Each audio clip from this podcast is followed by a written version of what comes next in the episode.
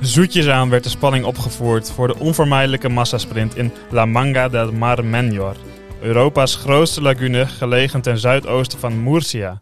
Uitgerekend vandaag doet het peloton de plek aan waar El Impatido, Alejandro Valverde, de fijne kneepjes van het wielervak leerde beheersen. Vanuit zijn ziekenhuiskamer kon hij meekrijgen hoe de sprintkogels zich opmaakten om te worden afgevuurd. Even leek Jetse Bol de sprinters te slim af te zijn met zijn late uitval, maar niets was minder waar. De klokken luiden en de luidsprekers galmden luid. El ganador, Fabio Jacobsen. Bienvenido en El Kermiskoers. De podcast met je broodnodige dosis wielerduiding en actualiteit door je favoriete Groningse studenten. Mogelijk gemaakt door de mannen van KVM Media nemen wij op in de uiterst moderne studio aan de Groningse Paasvuldseweg. Ik ben Niels de Jonge, tegenover mij zit Thijs van den Berg. Hoi. En eh, ja, vandaag is er geen Ronald Hinrichs. Nee, lekker met z'n tweeën. Ja, Ook een keer, is ook een keer nieuw. Moet ook een keer proberen natuurlijk. Eh, maar Ronald, ja, die is op vakantie. En jij bent net terug. Dus dat, we hebben elkaar mooi kunnen afwisselen. Ja, we hebben een mooi schemaatje in elkaar gefietst eh, om de zomer te kunnen overbruggen. Elke week proberen we een podcast op te nemen. Dan wel met gasten, dan wel met z'n tweeën. Ja. Eh, tot nu toe eh, gaat het aardig. Maar ik ben blij om weer terug te zijn, Thijs. Het is te lang geleden. Ja, het is weer verfrissend zo. maar Griekenland, Ja, hoe was het? ja geweldig. Ja, ik, voor de luisteraars die mij niet super goed kennen. Ik ben twee jaar geleden een langere periode in Griekenland geweest. Heb ik daar gewoond. Eh, en ik ben nu eh, samen met een vriend eh, een maand wederom in Athene ge- geweest. Ik heb daar ja, bij een internationale vluchtelingenorganisatie gewerkt. Dat was echt heel mooi, ja, heel mooi werk. Heel dankbaar werk. Wat, dan- wat was een beetje wat je echt moest doen? Ehm, nou, onze dagelijkse activiteiten die bestonden vooral uit het geven van lessen, taallessen. Ik, Engels en ik heb zelfs Duits gegeven. Oh. Maar dat was echt voor de beginners hoor. A1 en A2 niveau. Ehm, en dat was dan voor kinderen van 6 tot 12. Eh, Duits ook aan volwassenen af en toe. En daarnaast gingen we een beetje sport- en spelactiviteiten doen. Dus eh, ook knutselen hebben we gedaan of eh, volleyballen. Ehm, ik was het hoofd van de schaakclub op een gegeven moment.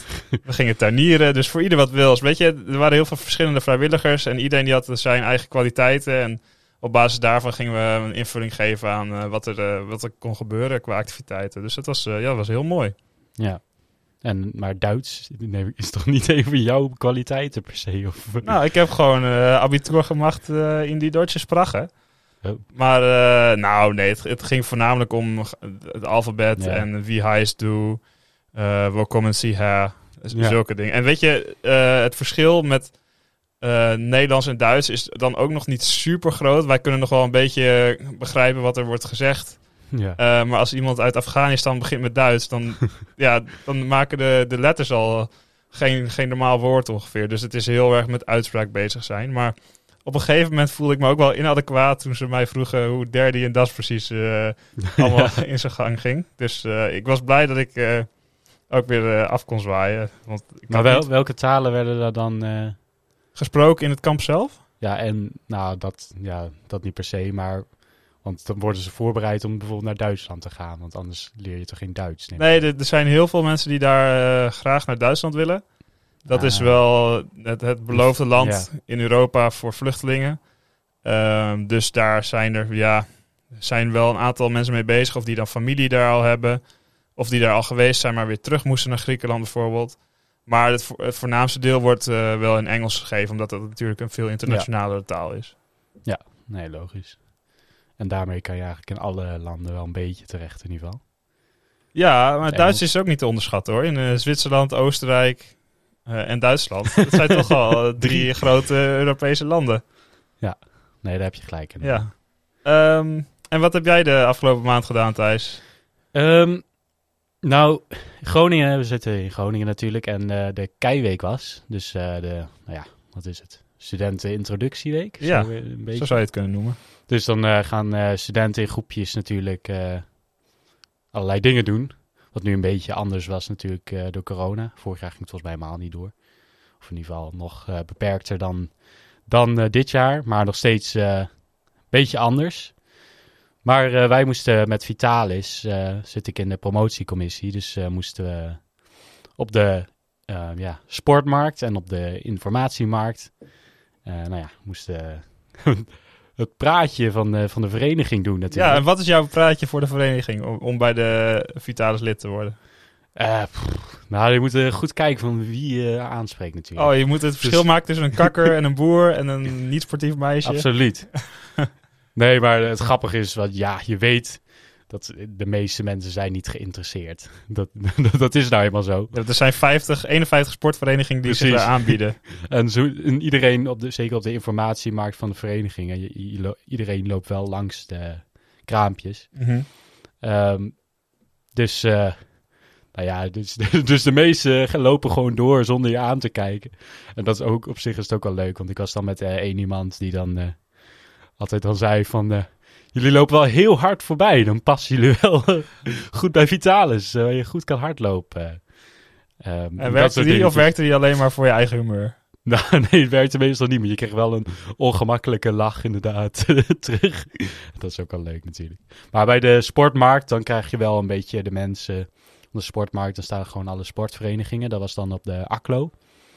En uh, daar konden ze dan bij ons verspringen uitproberen en kogelstoten bijvoorbeeld.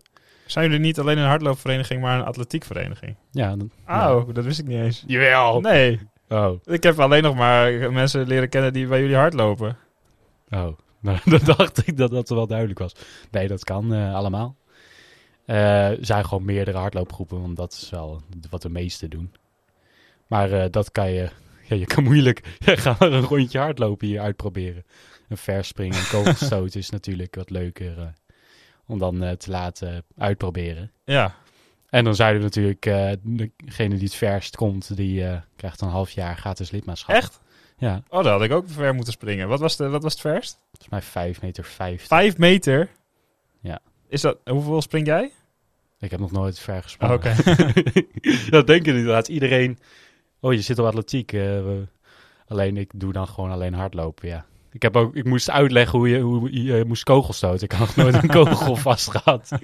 dus dat liet ik inderdaad aan de anderen over die uh, wel juist die technische onderdelen deed. En dan deed ik wel gewoon het uh, algemene praatje. Um, maar ja, dat is wel uh, leuk. Je, je komt wel ook een beetje...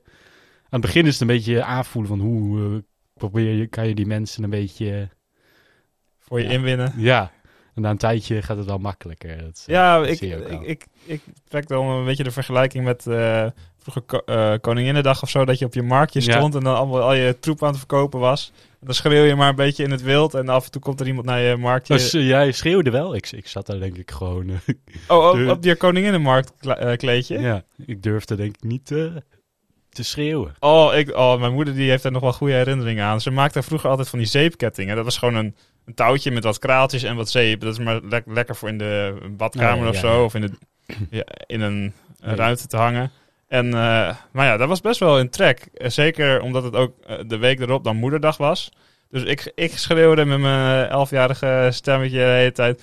Um, zeepkettingen, leuk cadeautje voor moederdag. Echt, heb ik gewoon drie jaar achter elkaar de hele dag dan uh, ge, geschreeuwd. En het was echt wel een. Maar naar wie ging het geld dan als je moeder het gemaakt had? Nou, we hadden wel een goede verdeling hoor. Ik uh, kreeg de helft en zij kreeg de andere oh, helft. Okay, ja.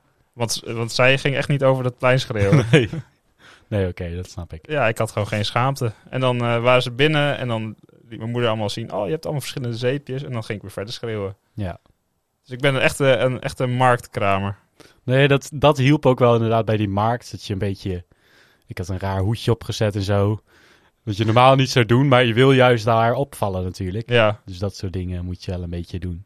En heb je mooie leden weten te strikken voor de vereniging? Nou, we hadden dus op vrijdagochtend, dat is eigenlijk eind van de keiweek een ja. beetje, um, hadden wij een brakke brunchrun georganiseerd. Dus Ja. gewoon gingen we vanaf een bepaald punt, uh, daar zouden dan mensen komen, gingen we een stukje hardlopen naar de baan, zodat ze de atletiekbaan even konden zien. En dan weer uh, terug. En daar hadden we dan uh, bootjes knakworst en bootjes kaas en komkommer en zo voor ze. En uh, dat hadden we in 2019 ook gedaan. En toen waren er drie mensen. Toen heb jij de Keienweek gelopen? Of? Ja. Ja. Nou, of was dat al eerder? Ja, nee, volgens mij wel, Ja. inderdaad. Nee, nee, dat was al eerder. Keiweek was eh, eerder. Dat was in 2018 had ik dat al gedaan. Ehm, nou ja, ja, ja. En toen waren er dus drie mensen gekomen opdagen. Waarvan jij één was. Nee, ik was Oh. toen niet. Ik, eh, ik was niet eens... eh, ik had gewoon opgegeven. Dat, eh, dat was aan me voorbij gegaan. Ja. Maar ehm, die, toen waren dus drie mensen. En, en dit jaar waren er... Hoeveel waren het er? Ik denk al rond de 30. Nou, dat is wel een goede flinke verbetering. verbetering. Ja, zeker. Maar En ja, en niet iedereen daarvoor van wordt lid hoor. Want er was ook iemand die gewoon zijn hele keigroepje had meegenomen van... als je gaat zuipen hebt, dan moet je nu even iets sportiefs doen. En dat is ook wel leuk natuurlijk. Maar ja, eh, dat lijkt me echt pittig. Want bij eh, mijn aankomende vereniging, ik ga bij eh, Donitas, de volleybalvereniging, hadden ze ook de selectietrainingen op vrijdagmiddag. Nou, dan heb je dus de hele keiweek gelopen, helemaal brak. Heb je elke avond gezopen en dan moet je dan nog even laat, je van je beste kant laten zien. ja, maar degene die echt hele fanatieke bij de beste teams willen, die zullen dan vast wel beetje rustig aangedaan. Ja, ik hoop het voor ze, want anders eh, ga je daar echt af hoor. Maar jij, hoe weet jij dan welk team je komt? Eh, nou, ik had al van tevoren meegetraind. Maar er zijn ook gewoon mensen die komen nu voor de eerste week naar Groningen. En dan moeten ze Ja. nu alles in, in één keer regelen. Ook met eh, hospiteren en dat soort dingen. Want zowel jij als ik hadden afgelopen week ook hospice. Nou, daar zijn ook honderden mensen voor in Ja. aanmerking gekomen. Jee, maar. Ik ben heel blij dat ik een kamer heb. Ja, dat is, het is het fijnst dat je dat inderdaad niet in het hoogseizoen... eh want nu wil iedereen natuurlijk. eh. Ja. Als je een paar maandjes wacht, dan eh, is het wel wat makkelijker. ja, die luxe kunnen wij ons veroorloven. Ja. Ach. Maar er was trouwens iemand, ook die op de sportmarkt was, die als ik een praatje mee aan het maken. En die zei dat hij buiten sliep tijdens de kei. dat hij wat? ja, ik, Dat hij een matje had of zo? nou, dat weet ik niet. Ik heb niet doorgevraagd. er was gewoon een gesprek in een groepje. Maar die was buiten. Ja, misschien, ik hoop dat hij bedoelde in een tentje in iemands tuin of zo. Want je zult maar voor die keiweek dan ergens de hele tijd eh, op een bankje liggen of zo. Het is wel een ding, want als je inderdaad ver weg woont, je gaat die keiweek lopen, dus meerdere dagen. Ja. Ja, Je hoeft niet eens ver te wonen. Als je al Ja, verder dan in Zwolle woont of zo, ja. dan kun je niet met de, laatste trein. Of de, ja, de hele tijd heen en weer. Nee. Nee. dat is echt niet te doen. Dus ja, als je dan geen slaapplek kan regelen en je gaat ook niet zo snel in een hotel of zo. dus ja, dan, Ja, dan moet je er zijn niet heel veel opties eh, inderdaad. eh. ja, het beste is om gewoon iemand in je keigroep- keigroepje. Maar ja, als, je, als, je, als Maar die, leer pas hebben... kennen, die leer pas kennen toch als je eh, aan het kei lopen bent. Ja, maar ik ging ook in mijn keiweek ging ik e- eerst heen en weer. Mhm. naar Fries, dat is, is te doen. Maar toen mocht ik gewoon bij mijn keiouders slapen. Oh, dat is wel relaxed. Dus dat, dat gebeurt wel heel vaak, dat die gewoon, of iemand in je keigroepje dat gewoon aanbiedt. Mhm. Maar die jongen had blijk- had blijkbaar pech gehad. Maar eh, ja, ik hoop dat dat eh, goed gekomen is. Zeker. Ehm, ja, even nog een, een verhaaltje. Eh, want eh, als we het ook even over fietsen hebben, dat is misschien wel handig eh, in onze podcast. ja. Ehm, Vergeten ze soms, hè? Ja, nou, ik weet ook mensen die luisteren naar de podcast en die gewoon inhaken voor de eerste 10 minuten om over ge- gewoon ons gouden hoer te luisteren. En dan als het over wielrennen Ja. gaat, dan uh, klikken ze het weg. Ehm, maar nu heb ik een combinatie van gouden hoer en wielrennen, dus dat is mooi. Dan kan iedereen blijven luisteren.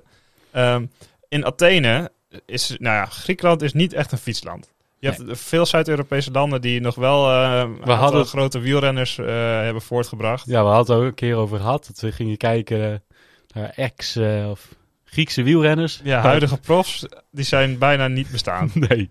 Ehm, nou ja, Italië, eh, Portugal, Spanje, het zijn eigenlijk qua klimaat en eh, landschap vrij vergelijkbare landen op sommige plekken. Want je hebt in Ita- Ja. Italië heb je heuvels en in Griekenland heb je ook hele mooie bergen. Ehm, lekker warm weer, dus in principe kan je altijd fietsen. Maar eh, ja, de enige enthousiaste fietser die ik tegenkwam was een Nederlander die zijn fiets mee had genomen in het vliegtuig en die daar eh, rondjes ging fietsen. Ja, Dat was een eh, ja, collega van ons, ook een vrijwilliger, Jeroen. Hele, hele medige kerel. Ehm, maar ja, hij, eh, hij wilde ook gewoon een beetje rondjes om Athene heen eh, fietsen. En dat was net op het moment dat er allemaal bosbranden waren. ja. Dus dat hebben we hier in Nederland vast wel meegekregen. Ja, Die bosbranden die waren vooral in het noorden van de stad. En die waren zo heftig dat gewoon de hele stad bedekt was met een, een zwarte rookwolk. En je moest eigenlijk ook binnen blijven, want er zouden allemaal chemicaliën in de lucht zitten. Ehm, Had jij daar ook echt last van? nou ja, last van. Eh, wij gingen gewoon naar buiten en gewoon werken. Maar het, het- ja, het is toch met een gek gevoel. een raar idee. Ja. Ja. Eh, en uiteindelijk heb ik ook gehoord dat eh, een aantal van die bosbranden ook eh, is aangestoken. Dus dan is het helemaal. Gek dat het gewoon moedwillig is gedaan. Maar die Jeroen die wilde gewoon fietsen. Want ja, die had ook niet zoveel te doen. Niet voor niks een fiets meegenomen. Nou ja, niet voor niks. Want hij had gewoon een mooie route uitgestippeld. eh, een beetje ten noorden van de stad en dan naar de, naar de haven toe, Piraeus. En hij, eh, hij was aan het fietsen. En toen bleek dat hij door een militaire basis aan het fietsen was. maar daar waren ze best wel serieus over. Want op dat moment gold er een eh, algeheel eh, campingverbod en een verbod om in de, de Griekse natuurgebieden te komen. Omdat natuurlijk al die branden werden aangestoken. Eh, dus niemand mocht daar zijn. Dus normaal zou hij weggestuurd worden. Maar nu werd hij gewoon eh, in zijn kraag gevat en meegenomen. Eh, onbewust was hij daar doorheen gefietst trouwens. Er Oh. was een wachtpost die niet had opgemerkt dat hij daar langs fietste. Dus je kan je dan afvragen hoe paraat het Griekse leger staat. Ehm, maar die moest mee en die werd naar het politiebureau gebracht. Uiteindelijk na een heel verhoor, ja. Ze hadden uiteindelijk wel door dat hij niks eh, kwaads in de zin had. Dat- Dat zag je dan vast ook wel aan zijn fietspakje en zijn fiets. Nee. ja, en hij had ook geen aanstekers in zijn jaszak. dus eh, hij, eh, ja, hij mocht in principe gewoon naar huis. Maar ze waren niet zo tevreden met hem. Dus toen dumpten ze hem maar gewoon vlak uit dat legerterrein. Toen zeiden ze, nou, zoek zelf maar de weg naar huis. En toen had hij net zijn band geklapt. Oh. Dus toen had hij niks om zijn band mee te plakken. Gewoon 40 kilometer uit de, uit de bewoonde wereld. Eh, ja, dat, dat, eh, wij, gingen naar, wij zouden met hem naar het strand gaan. En hij belde ons. Ja jongens, ik heb nu een heel leuk verhaal voor later. Maar het is nu echt heel vervelend. Dus eh, ik kom vandaag niet. Uiteindelijk had hij na een paar uur zijn weg naar huis wel weer gevonden. Maar Dan heeft hij 40 kilometer op fietsschoenen naar huis gelopen. Nee, hij had ergens nog een zo'n ja, zo'n pompje gevonden waar je snel wel mee kon opblazen. Dat het niet al te veel leeg liep. Oh. En dan, eh, Volgens mij heb ik een keer gezien dat je inderdaad een beetje gras in je oh, dat zou ook kunnen. kan Ja, doen, ja. waardoor het langer duurt voordat hij weer leeg loopt. Mhm. Maar uiteindelijk heeft hij zijn weg naar huis gelukkig gevonden. Maar dat was, eh, ja, was vrij hectisch, eh, ook hoe hij dat aan ons vertelde. Ja. Maar Griekenland is dus helaas niet zo'n fietsland. Ik heb maar één iemand gevonden die überhaupt wist wat eh, professioneel wielrennen echt was. Die, die begon met mij te praten over de Amstel Gold Race. En dat hij daar was echt gewoon speciaal naar Nederland was geweest voor de Amstel Gold Race. Oh, dan is hij ook wel... Dan is het een echte fietsfanaat. Ja, toen, eh, toen begon hij allemaal gekke namen te noemen. En toen ging ik, luisterde ik even goed. En toen zei hij Mathieu van der Poel. Maar met dat accent eh, kwam ik er niet zo goed door. Ehm, maar ja, nu we toch het bruggetje hebben gevonden met fietsen. eh, zullen we het dan ook maar over de Vuelta hebben? Ja, die is bezig. Ja, ik heb het niet heel bijzonder goed kunnen volgen de eerste paar etappes. Dus eh, ik laat me graag... eh, Ik Inlichten- niet super, maar redelijk. Oké, goed genoeg om er wat over Ja. te kunnen zeggen. Ja, eh, wat Ronald en ik eigenlijk de vorige aflevering al zeiden. Het is zo'n, eh, eigenlijk een beetje een eh, loterij, de Vuelta. Ehm, met Roglic toch wel een be- en Bernal toch wel de favorieten. En ja, maar ja, het is nu nog steeds een beetje... We hebben nog niet de echte, echte grote etappes gehad waarbij eh, je echt kon zien wie het best was. Maar Roglic ziet er wel heel gewoon goed uit. Ehm, dus een grote kans dat hij gewoon zijn titel gaat verdedigen als het aan mij... eh, wat, Ja. wat, wat ik denk eigenlijk. Ehm, maar toch, de, de, de sprintetappes hebben toch wel voor leuke, zeker als Nederlander, toch voor leuke dingen laten zien. Wat jij al zei, El Canador, wat betekent dat eigenlijk? De overwinnaar of de winnaar. Oh ja, Fabio Jacobsen. Ehm, en daar hadden we natuurlijk, eh, volgens mij hadden we het vorige keer ook al over gehad. Maar toen had hij nog niet gewonnen in de Velta, volgens mij. Eh, nee, dat was woensdag volgens mij. Ja. Het eerste was dus Philipsen. ehm, en het is een beetje een stuivertje wisselen tussen Philipsen en Jacobsen. Het is wel de hele tijd op Scorito trouwens. dat ik, ik had eerst Jacobs als kopman, toen won Philipsen. Toen deed ik, ah, doe ik Philips als kopman, toen won Jacobsen. Oeh, je laat je leiden door de, de resultaten. Je moet gewoon Ik heb letterlijk... een eigen baan kiezen waar je gewoon voor gaat. Ja, maar ik, ik heb dus de hele tijd de verkeerde. inderdaad. Eh, ja, maar ik vind het wel leuk. Allebei leuke renners. Die, eh, nou, vooral Philips, die ook bij een leuke ploeg zit, vind ik. Ja. Ik had niet verwacht dat ze zo dominant zouden zijn, deze Vuelta. Als je kijkt naar, naar bijvoorbeeld De Maar, die, die valt me tegen. die, die echt tegenvalt. Zou toch een van de best, betere sprinters van de wereld moeten zijn. Nou, wat hij soms heeft laten zien.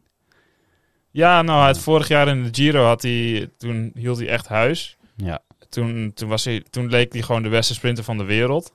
Ehm, en nu tijdens de Tour en nu ook al tijdens de Vuelta. Tour was hij niet, volgens mij. Oh jawel, dat was hij wel. Jawel, inderdaad. jawel. We moesten inderdaad uitstappen. Eh, ja, is het toch gebleken dat hij niet oppermachtiger is dan, dan andere goede sprinters. Ja, En hij is ook heel afhankelijk van zijn treintje. Wat, nou, Philips eh, minder is. En Jacobsen, die was vandaag ook... Eh, Seneschal, die trok de sprint aan, maar dat was voor vijf, zes man. ja. Eh, en hij wist gewoon het perfecte plekje te vinden en had gewoon de meeste snelheid. Dan ben je niet zo afhankelijk van je, van je trein als Ja. Den-. Nee, maar dat is natuurlijk nog steeds... Als zij weten dat als ehm, bijvoorbeeld de trein van... Of de mannetjes van Jacobsen weten dat hij ergens wel goed voorin zit... dan moeten ze gewoon de snelheid inderdaad hoog houden. En dan hoeft hij echt niet in- precies in het wiel te, eh, in het wiel te zitten om gewoon een eh, goede kans te maken op die sprint. Nee.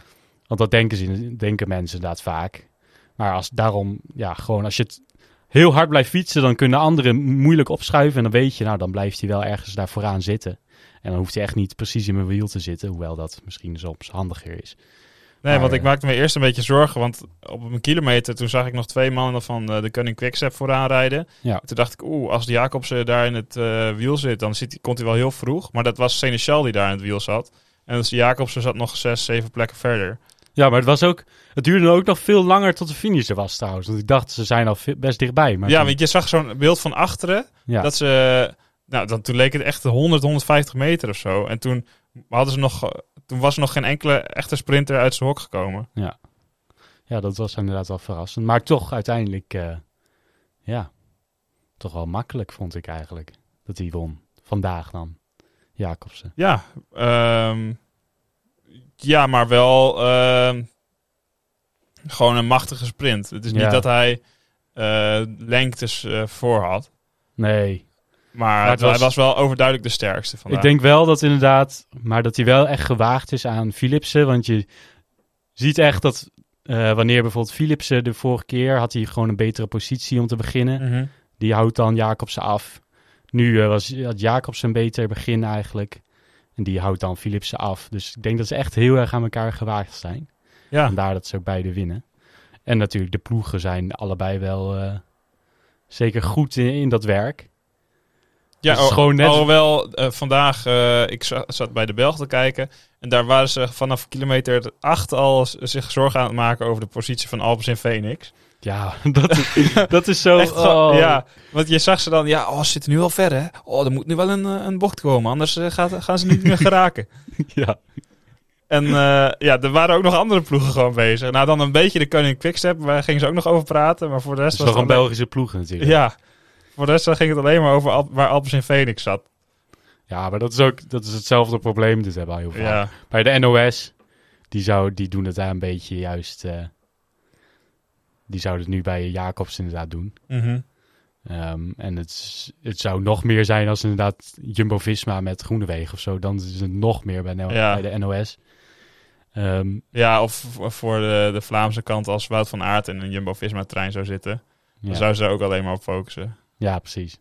Dus dat is wel een beetje het eh, chauvinistische. Dat, het, het blijft niet helemaal neutraal Nee. natuurlijk. eh, de- Nou, dat vind ik wel Commentaar. leuk aan het Eurosport-commentaar. Want dan heb je natuurlijk een Nederlander en een Belg. Dus Ja. dan krijg je een beetje van, van beide kanten. En nou vind ik Karsten Kroon ook niet de meest eh, chauvinistische en nationalistische Nee. eh, commentator. Die vindt het allemaal wel prima als er maar een mooi verhaal achter zit.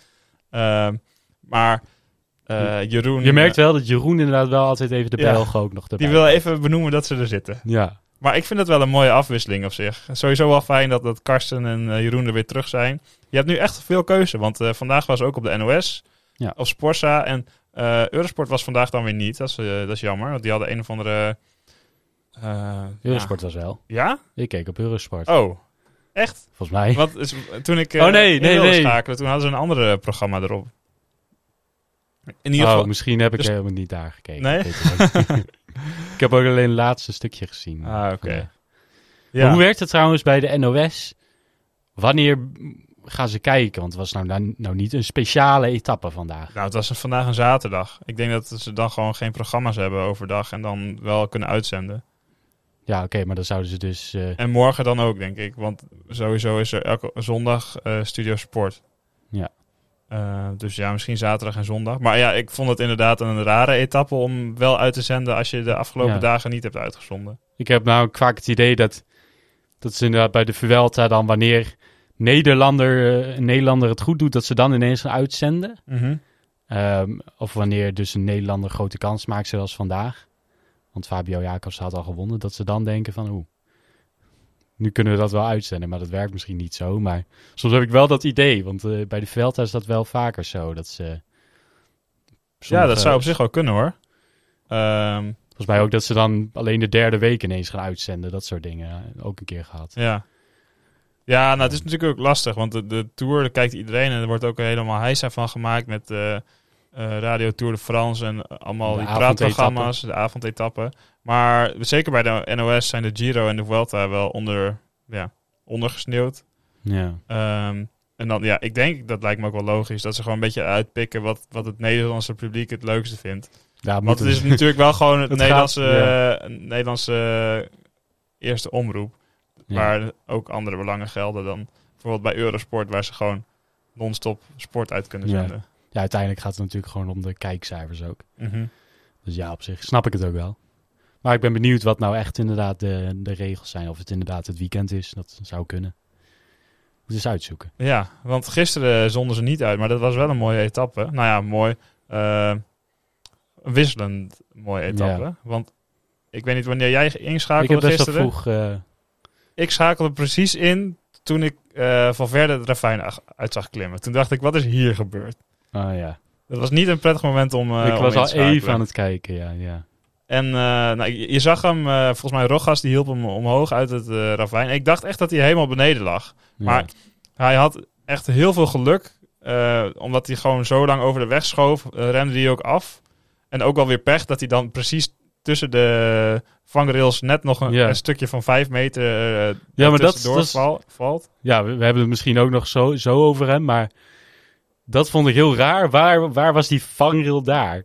Terwijl in die bocht zou je denken, daar, daar doe je vangrails. En daar was net een stuk waar geen eh vangrails Mhm. was. En ja, dat snapte ik dus niet. Hij gleed... eh, het is ook echt wel raar, dat van overal is dan... eh, en dan glijdt hij precies er tussendoor. Ja, Dat is een beetje gek. eh, maar daar hebben we misschien zo ook nog even nou, over. we kunnen het nu wel doen. Ja? Het sleutelbeentje van de week. Wie is het Niels? Verras ons. Ja, zoals iedere week hebben wij een sleutelbeentje van de week. Een eh, renner die ongelukkig ten val is gekomen. Ehm, en deze week is dat geworden... Tromgeroffel.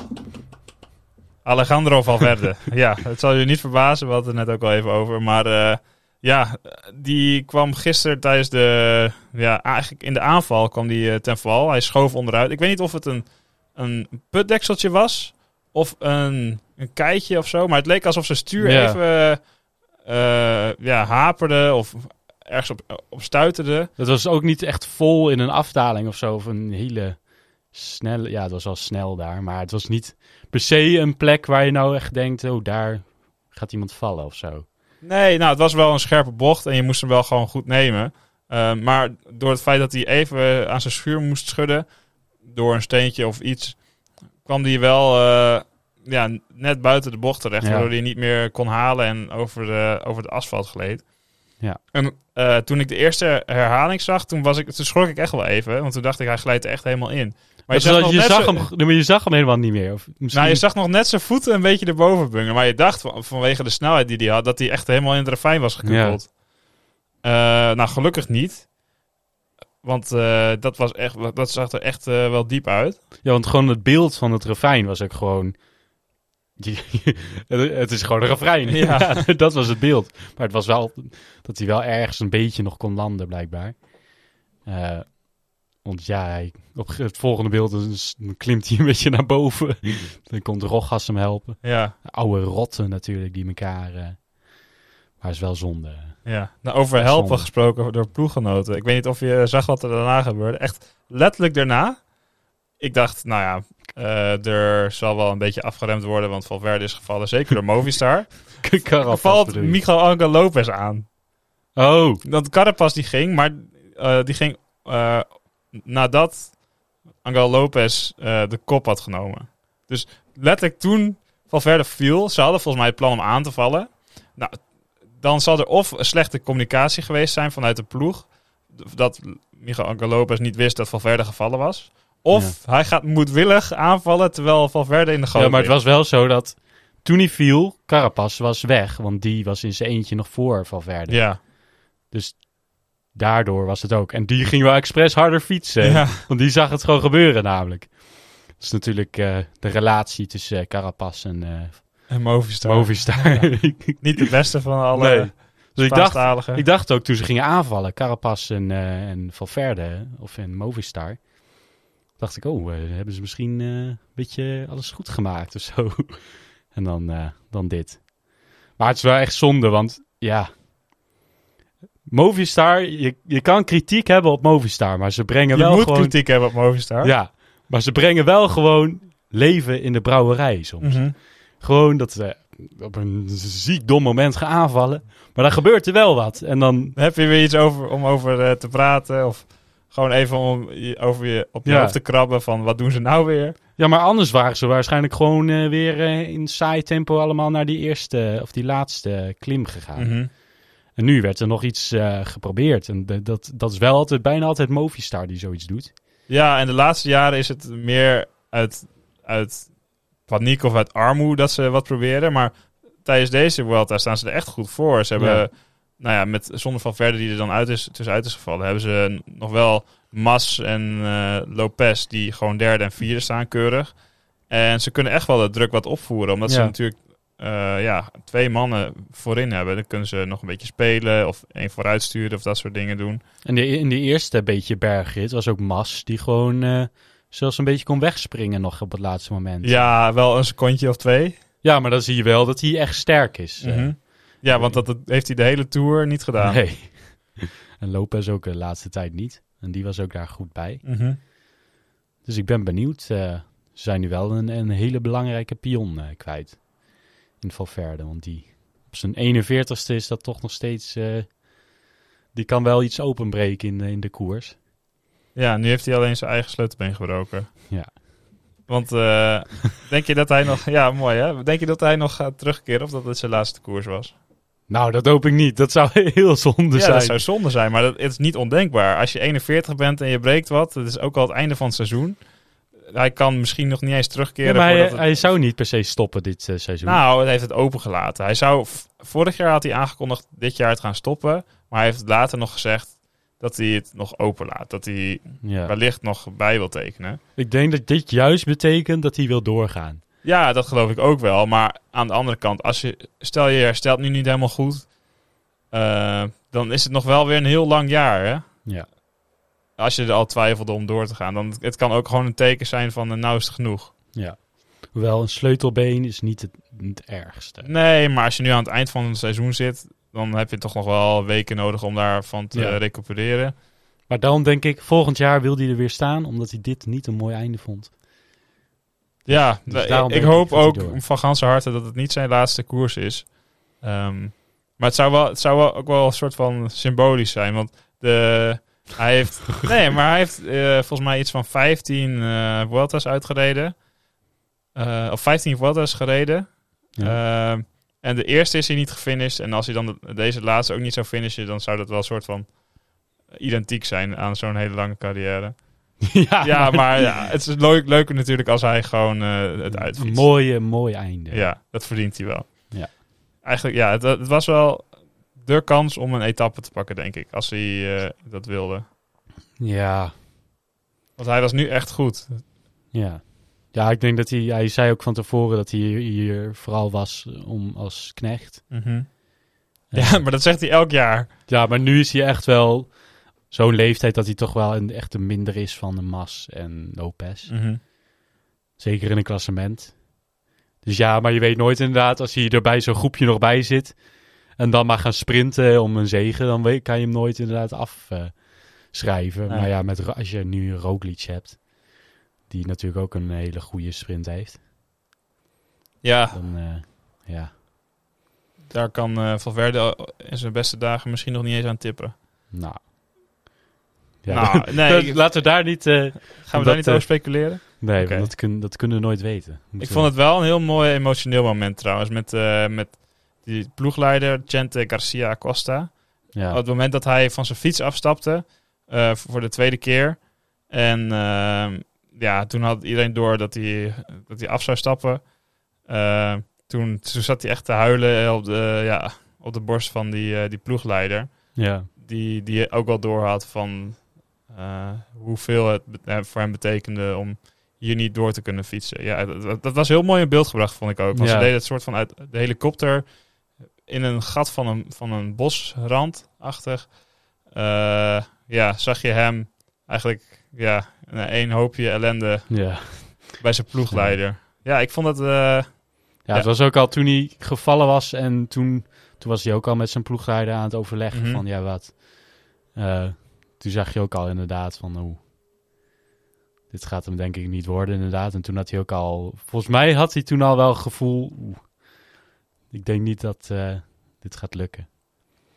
En je zag inderdaad toen ook al een beetje de emotie eh, in zijn eh, ogen. ja, En dat is ook wel begrijpelijk natuurlijk. zeker. Ja. Laten we hopen dat hij terug kan komen. Ja. Ehm, nou, dan zullen we even kijken naar de, de socials van de week. Je had eh, wat meegenomen van de Tour de l'Avenir. Ja, want ik wil even, eh, want de Vuelta is natuurlijk bezig, maar ook nog andere koersen. En de Tour de l'Avenir is eigenlijk wel de grootste koers voor het belofte en de belangrijkste. En als je kijkt naar wie daar gewonnen hebben eh, de laatste jaren, dan zijn dat Pogacar, ehm, Bernal. Bernal, eh, Tobias Vos heeft de laatste gewonnen. Eh, nou ja, en, en wie dan ook in de top drie en zo staan. Dat, dat zijn de namen die nu gewoon meedoen om de klassementen in de grote rondes bij de, bij de grote mannen. Mhm. Dus daarom wilde ik even kijken van eh, ja, wie er nu eh, gewonnen... Oh nee, het is nog niet afgelopen, maar wel bijna volgens mij. Ja, nog één etappe. Wie er nu bovenaan staan en wie we de komende jaren kunnen verwachten. Ja, precies. Want waarschijnlijk gaat dit misschien degene zijn die eh Pogacar gaat belagen in de Tour. Dat is Tobias Halland Johannessen. Johannessen uit Noorwegen.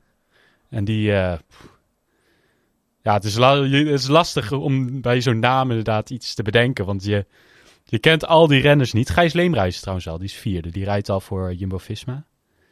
Ehm, dus die, eh, dit zijn wel echt renners die echt volgend jaar al de overstap zullen maken. Of zelfs nu al eh, prof zijn. Mhm. Ehm, maar dit zijn als je... Ja, in, wie- in welk jaar won Pogacar? Volgens mij in 2018. Ja, Pogacar voor Arendsman en Meder en Vlaashoff. Dus dat, zijn gewoon... eh, ja, een van, de, een van de grootste wielrenners nu. Arendsman valt me nog om...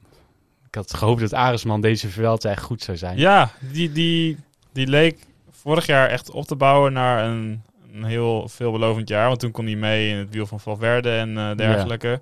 Maar Mooi ook in de, in de, in de ontsnappingen, zelfs eh, toen met Wellens en zo. Mhm, Maar hij kan nog nu echt niet aan het niveau eh, tippen van Vlaasov en helemaal niet van Bogacar. Nee. Nee, maar dat hoeft inderdaad. Volgens, hij is volgens mij ook nog zelfs iets jonger. Maar dat hoeft ook niet per se. Maar ik had wel gehoopt dat hij beter zou zijn dan vorig jaar nog. En dat, is en dat ziet er nu dat nog valt niet nu naar niet echt uit. te bezien inderdaad. Want hij zat in laatst in de kopgroep en daar kon hij gewoon niet mee. Terwijl er nog een hele grote groep was, volgens mij. Ehm, en ja, misschien, eh, misschien voelde hij, hij- hij zich nog niet goed. En komt dat nog die eh, laatste week? Of ja, daar hoop ik op. Want ik heb hem ook in mijn pool. Eh, dus eh, dat is toch, blijft een van de grootste Nederlandse. Ja, ik wil. Het, het woord ronde talent vind ik altijd een beetje. Want zodra dat gebruikt wordt, dan. eh, ja, we hebben eigenlijk niemand gehad die echt dat heeft kunnen waarmaken. Ja, Dumoulin, die heeft eh, de Giro gewonnen. Maar er wordt al vaak al, bij zo'n jongse vaan wordt er dan al gesproken, ja, dit is een toekomstig toerwinnaar. Dus dat, Mhm. die woorden wil ik niet gebruiken. Maar gewoon een goede klassementsrenner is toch Tijmen Aresman wel een groot talent voor. En eh, ja, hoe oud is hij nu? Volgens mij 21. Dus hij heeft nog eh, genoeg tijd.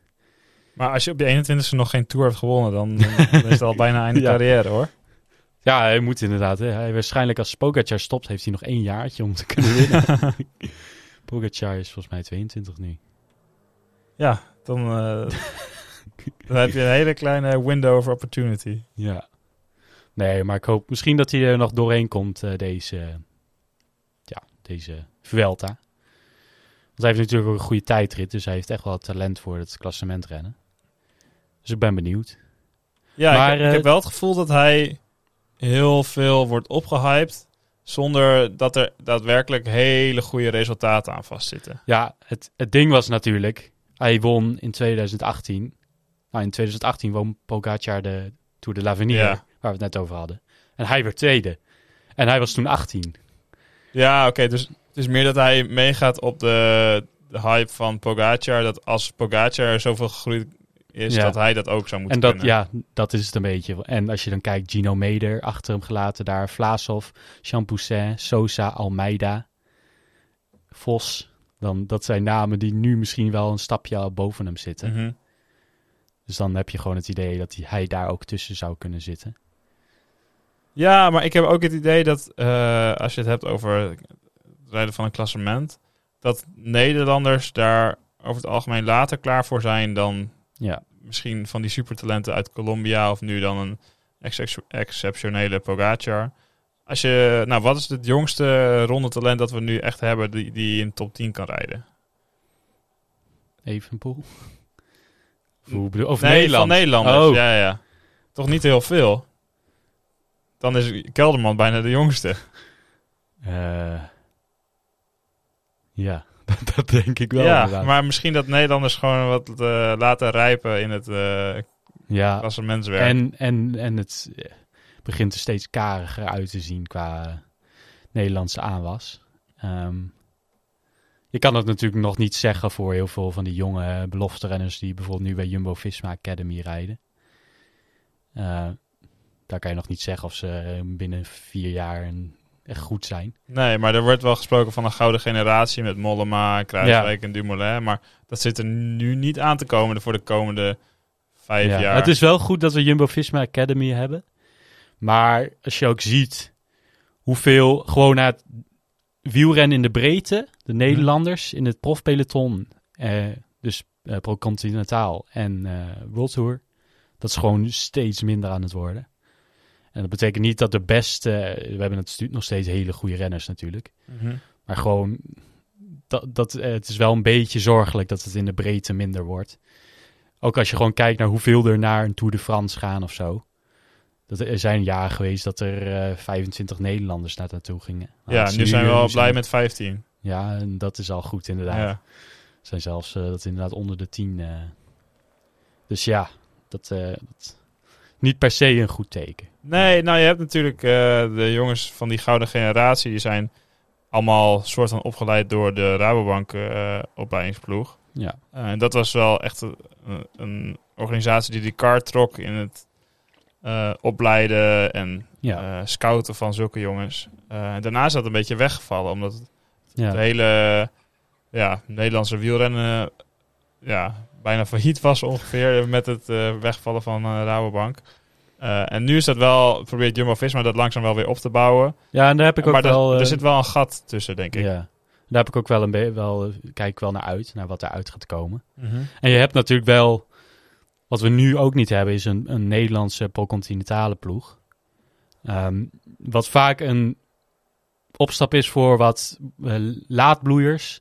Dylan Groenewegen is via Roompot gekomen. Taco van der Hoorn is via Roompot gekomen.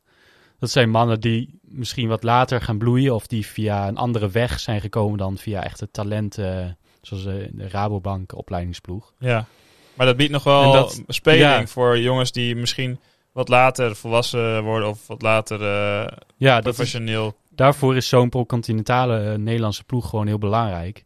En nu Roompot ook is weggevallen, heb je dat ook. Daar, ja, is daar ook gewoon een gat. Ja. Maar je hebt natuurlijk wel Alpes en Phoenix, dat wel redelijk op Nederlanders georiënteerd nee, is. ze hebben drie Nederlanders. Weet je, echt maar drie? Ja, de twee van Oh, de ik- Poels en eh Riesebeek. Oh, ik dacht altijd dat het wel een grotere Nederlandse Nee. eh, ploeg Dus, was. eh, er zaten meer Nederlanders bij die Noorse, maar die is ook weer... eh, eh, ja, die is- Uno X? Nee, die andere rival. Maar die is ook weer nu continentaal geworden door corona. Het is de hele tijd zo van... Er zitten van die Nederlandse wielrenners die tegen het profbestaan aan... eh, echt aanzitten. En ook wel in pro-continentaal niveau zouden kunnen rijden. Maar dan steeds bijvoorbeeld door corona dat ze niet een contract kunnen krijgen... en dan weer een stapje naar beneden moeten doen. Bijvoorbeeld nu bij Beat rijden een paar. eh, Jan-Willem van Schip, eh Piotr Havik. Die kunnen dat ni- profniveau echt wel aan. Alleen, die kunnen gewoon niet nergens een contract krijgen. En dat, dat, dat, dat was wel iets waar Roompot dat... was precies waar dat soort renners konden, konden aansluiten. Mhm. En daar konden groeien. En nu, nu is dat er niet. En daardoor is het denk ik zo dat het inderdaad in de breedte steeds minder wordt. Ja, dat is wel zorgwekkend. Ja. Gaan wij sta- bestaan wij over vijf jaar nog wel tijdens als podcast? Als, als wij niks meer hebben om eh, hebben over, over- Nederlands te praten. Dan hebben we het gewoon over het Griekse wielrennen. Misschien dat dat dan helemaal opbloeit. Ja, maar trouwens, als je kijkt naar Nederlandse profploegen, één. Belgische, zes. Ja, dat is toch... zes. Ja, de Koning, eh Soudal, ehm eh, Alpes in Phoenix, eh Intermarché, eh Topsport Vlaanderen En, en... Bingle Sausen. nee, eh Wallonie-Bruxelles. Je hebt toch ook nog Bingle Sausen? Nee, dat is, eh, dat is veldrijden. Ah, oké. Dat zijn, dat, zijn er, dat zijn er zes profploegen en dan drie inderdaad... Of, eh, ja, drie op het hoogste niveau en drie onder het niveau daaronder. Mhm. En je, daar, daarmee heb je gewoon zo brede Belgische ja, wielrenners. En op zich, misschien de beste wielrenners is het heel verschil met Nederland helemaal niet super groot. Met hoe, de hoeveelheid daarvan. Maar gewoon het Maar ze krijgen gewoon meer mogelijkheden Ja. om zich te ontwikkelen. Ja. Ja. want dan heb je natuurlijk in Nederland nu een hele grote boom eigenlijk van Jumbo-Visma. Maar daaronder groeit niet zoveel. Precies. Ehm, Zo dat zeg je mooi, eh, Niels. Dank je. ja, dat is wel, dat is wel zorgwekkend. Want vo- voorheen had je natuurlijk ook nog Vacan Soleil en Ja. ehm, Sh- Shimano. Toen was Shimano nog Nederlands en die, zitten, die focussen nu ook steeds meer op het Duits. steeds meer renners van de Duitse grond. Er komen nog wel, zij rijden nog wel redelijk wat Nederlanders bij eh opleidingsploeg van DSM. Dus dat is nog steeds wel ook wel fijn dat dat er ook nog wel is. Maar eh, dat is ook niet meer echt eh, puur op Nederlandse bodem gefocust. En eh, Nee, en dat is sowieso een beetje een gekke organisatie aan het worden. Nu al die jonge gasten weggaan. ja, ze hebben wel dus een mooie overwinning gepakt. Ja, maar die gast gaat ook Gisteren. weg, hè? ja. Gaat, weten we wel waar naartoe? Stormer? Ehm, nee, dat weet ik niet. Maar ze, ze zeiden over het commentaar dat hij door dat shampoo-incident eh, ook eh, wegging. Ja. Ja, helaas. Dat is trouwens ook een mooie eh, eikpunt van deze Vuelta. Ik heb tijdens de overwinning van Storer mijn eerste koersdutje gehad van de Vuelta. Ah. Dus nadat Valverde was eh, Gevallen. moest- gevallen, moest ik even bekomen van de schrik. Heb ik even, wat, Ja. Ben ik wat achterover gaan hangen. En toen werd ik wakker terwijl eh, Michel en Sauger eh, al aan het praten waren over de volgende etappe. Trouwens, op, ik, ik weet, ik was op Eurosport aan het kijken inderdaad. Daar hebben ze nu een talkshow van Engels. eh, Oh, dat is zo verschrikkelijk. oh, dat is oh, zo slecht ook. En, oh. zo, ja, nee, laten we daar ook maar niet. eh. Nou ja, ik vind dat wel grappig, want er zit een, een voormalig Brits kampioen bij. Nee, maar er, zit, er is elke keer iemand anders. Oh, oké. Want toen ik keek was dat een voormalig Brits kampioen. Maar sowieso dat accent, ik kon hem al bijna niet verstaan. Oh, nou, daar heb ik geen moeite Nee, mee. ik, vind, ik heb dat soms ook wel met Sporza hoor. Dat ik dan echt gewoon gefocust moet luisteren om eh, alles binnen te laten komen. Anders is het maar gewoon gebrabbel. Het is sowieso altijd gebrabbel, maar het komt niet altijd binnen. Nee, dat heb ik niet. Maar ik snap, eh, het zijn niet de. Ze hebben. Het wielrennen in eh Groot-Brittannië is natuurlijk ook vrij karig. hoewel ze wel een hele goede hebben natuurlijk. Maar ja, als je dan ziet wie ze dan uitnodigen. En die, die commentatoren worden ook altijd uitgenodigd. Die eigenlijk Het zijn er commentatoren die zelf er blijkbaar ook gefietst hebben, maar eigenlijk heel weinig weten over de renners die nu aan het fietsen zijn. Mhm.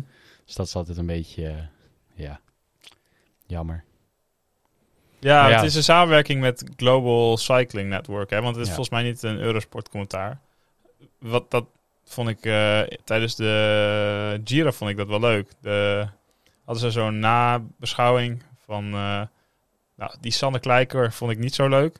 Maar dan hadden ze meestal wel leuke mensen Ja. uitgenodigd aan de tafel. Af en toe kwam eh, Die Nederlander doet nu ook de interviews voor, eh, ook in het Engels. Echt ik weet niet meer hoe. Sander Kleiker, Nee, die ene met, met die een beetje slist. nee. Oh. Eh, nou, ik weet niet meer uit mijn hoofd. Die ene die bij de Olympische Spelen ook in die reclame van Eurosport zat. Bobby Traxel, was dat Bobby Traxel? Nee. die met zijn vierkante hoofd. En zijn veel te kleine polootjes. Ik heb nu eh, even een foto van Bobby Traxel. Nee. Nee? Nou, ik heb dus de Olympische Spelen niet echt kunnen volgen, eh, want ik zat in Griekenland. En eh, op de NOS kun je alleen video's kijken als je in Nederland bent. Anders heb je Ja. auteursrechtenbeperking. Hetzelfde met Sporza. We kunnen dus geen Sporza filmpjes kijken. Nee, dat is echt... Zonde. Nou, je kan wel op je data kijken trouwens. Dat heb ik wel ondervonden. Oh. Ik kan dus wel in Griekenland eh, NOS-filmpjes kijken op data, maar Hm. op een gegeven moment had ik geen data meer. eh, en dat is ook niet zo handig als je de hele dag buiten werkt. Ja. Eh, Trouwens, eh, wij gaan dus bijna naar België, dus dan kunnen we mooi genieten. oh ja, dan gaan we onze lava aan Sporza-filmpjes. Precies. ja, want wij gaan eh, naar eh Gerardsberg, hè, Thijs? Ja. Op vakantie met, de met de mannen. Met een paar vrienden gaan we daar naartoe. Kijken of we nou gaan fietsen of niet. we hebben nog niet, niet echt iets gepland. Nee, we Ja. laten het gewoon op ons afkomen. Ja, dat is ook gewoon leuk om daar... zeker wel een mooie omgeving. Ja, dus als er nog luisteraars mooie plekjes of tips hebben voor Gerardsberg of omgeving, dan, Ja. dan bevelen we We gaan denk ik de muur nog wel op. Of dat op een fiets is of lopend. dat eh, hebben we nog niet... eh Nee, dus ik, ik, wil, ik ben wel eh, voor fietsen hoor. Dan Ja, ik wil hem dus ook een keer op mountainbike, hardloop. Ja, maar niet iedereen wil achter jou aan, Thijs. Want Jalmar die heeft een shin, shinsplint, dus eh, die kan sowieso al niet eh, hardlopen. Ja, oké. En ik weet niet of we daar eh, Job Nee. en Max heel enthousiast voor krijgen. Nee. Dus met een mountainbike is vast leuk en dan kun je ook nog wel een beetje een eh, alternatieve route doen daarnaast. Maar daar gaan we het wel over hebben wanneer we dat gedaan hebben. Dan kunnen we daar een mooie, mooi over nabeschouwen hoe wij de Gerardsmuur hebben bego- beklommen. Ja, over hoe zwaar het eigenlijk echt is. Ja, Dat ze zich allemaal een beetje allemaal aan het aanstellen. aanstellen zijn inderdaad. Om expres heel erg eh, heen en weer gaan. eh mollen malen om het gewoon leuker te laten lijken op tv. Ja. Ehm, nou, Thijs, hebben we nog andere dingen te bespreken voordat we er een einde aan gaan breien vandaag? Ehm, moeten we het juichmoment niet nog doen? Ja, dat hebben we toch al Ah, een beetje Fabio besproken Jacobsen. met Fabio Jacobsen. Ja, dat is waar. Ehm, morgen. De dag van morgen. Wat brengt hij ons? Een mooie etappe volgens mij. Ja, Hele mooie etappe. ja ze, ze, ze maakt ons al een beetje warm eh, op de Belg. Even Mm, kijken, ik zal hem er even bij pakken. Flinke bergetappe.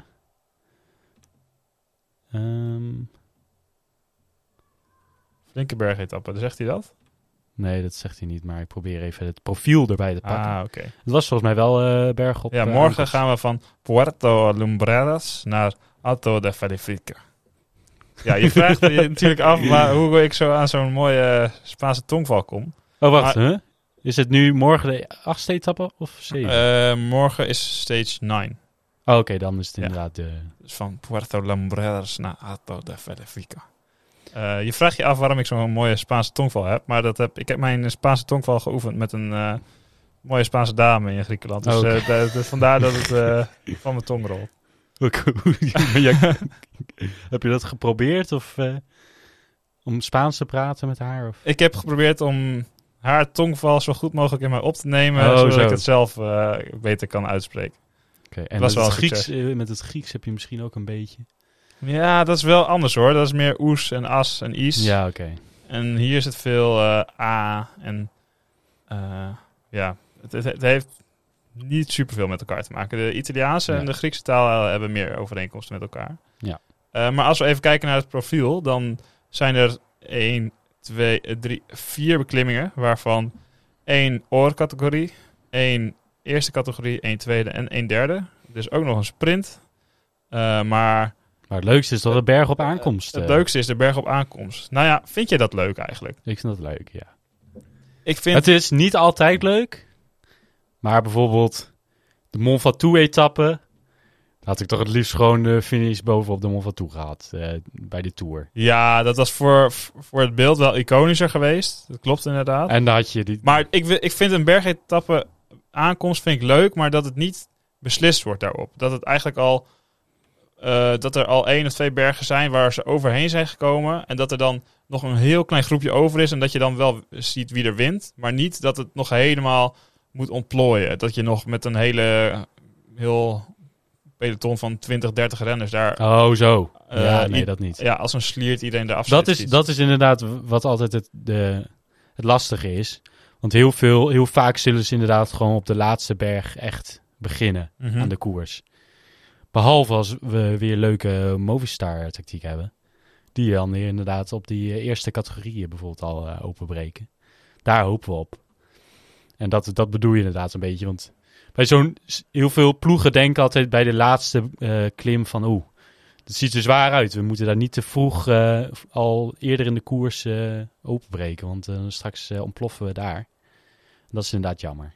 Ja, dus ik hoop dat er op de tweede berg van de eerste categorie er al aangevallen wordt. Of dat er een kopgroepje wegrijdt en dat er daar een winnaar van is. Want dat vind ik ook altijd wel mooi. Dat je, Ja, dan heb je vaker onverwachte renners of eh, jongens die je dan eh, drie of vier jaar geleden een keer een etappe hebt zien winnen. Die nu weer boven komen drijven. Eh, maar niet dat ze met de, hele peloton eh, die laatste berg oprammen en dan maar kijken wie het langste aan kan blijven haken. wie wint hem? Wie wint hem? Ehm, ja, ik denk eh Egan Bernal. Deze, maar hij had net op, had op eh, in een interview gezegd dat hij niet, eh, niet op zijn best is. Nee, maar zelfs op zijn best, zelfs op zijn ene best kan hij nog steeds wel een etappe winnen, denk ik hoor. Oké. Wie denk jij? En dan denk ik, oh, ga ik toch nog voor, de, voor, de, voor een vluchter. Zelfs op deze etappe. Ja, dan heb je Ehm, veel om uit te kiezen. Ja, precies. Dat is ook zo, min, zo min eh, voor je Scorito altijd. Maar ik heb eentje in mijn Scorito en die, ik zie hier ook die, eh, die naam staan, Simon Carr. Ehm, ik denk dat die, eh, dat die hem uit de vlucht gaat pakken. Oké, nou dan, eh, Gewaagde, gewaagde voorspelling, maar ik ga ervoor. ja, dan gaan we zien wie er morgen de, aan het langste eind trekt. Ehm, zijn er dan nog andere dingen die we moeten bespreken voordat we onze luisteraars Nee. verlaten? Nee. Volgende keer is Ronald er denk ik weer bij. Dan ben ik er misschien niet bij, dat weten we nog niet precies. Ehm, maar dat zullen we even zien of dat, of dat überhaupt eh, gaat lukken. Ja. Maar eh, komt goed. ja, deze zomerperiode even doorkomen en dan weer vlammend het eh, nieuwe Ja, schooljaar. Met de vakantie is natuurlijk lastig soms. Ja, dat, zullen de luisteraars begrijpen. Dat er af en toe ook even een, mo- rustmomentje gepakt moet worden. Ja. Maar in ieder geval bedankt voor het luisteren. Even, socials in de gaten. Ja. Eh, je kan ons vinden op eh, de Kermiskoers eh, als Instagram pagina, maar ook Twitter. op Twitter. En natuurlijk een mailtje naar de kermiskoers.gmail.com wordt van harte gewaardeerd. En dat was hem dan voor vandaag. Yo. Yo.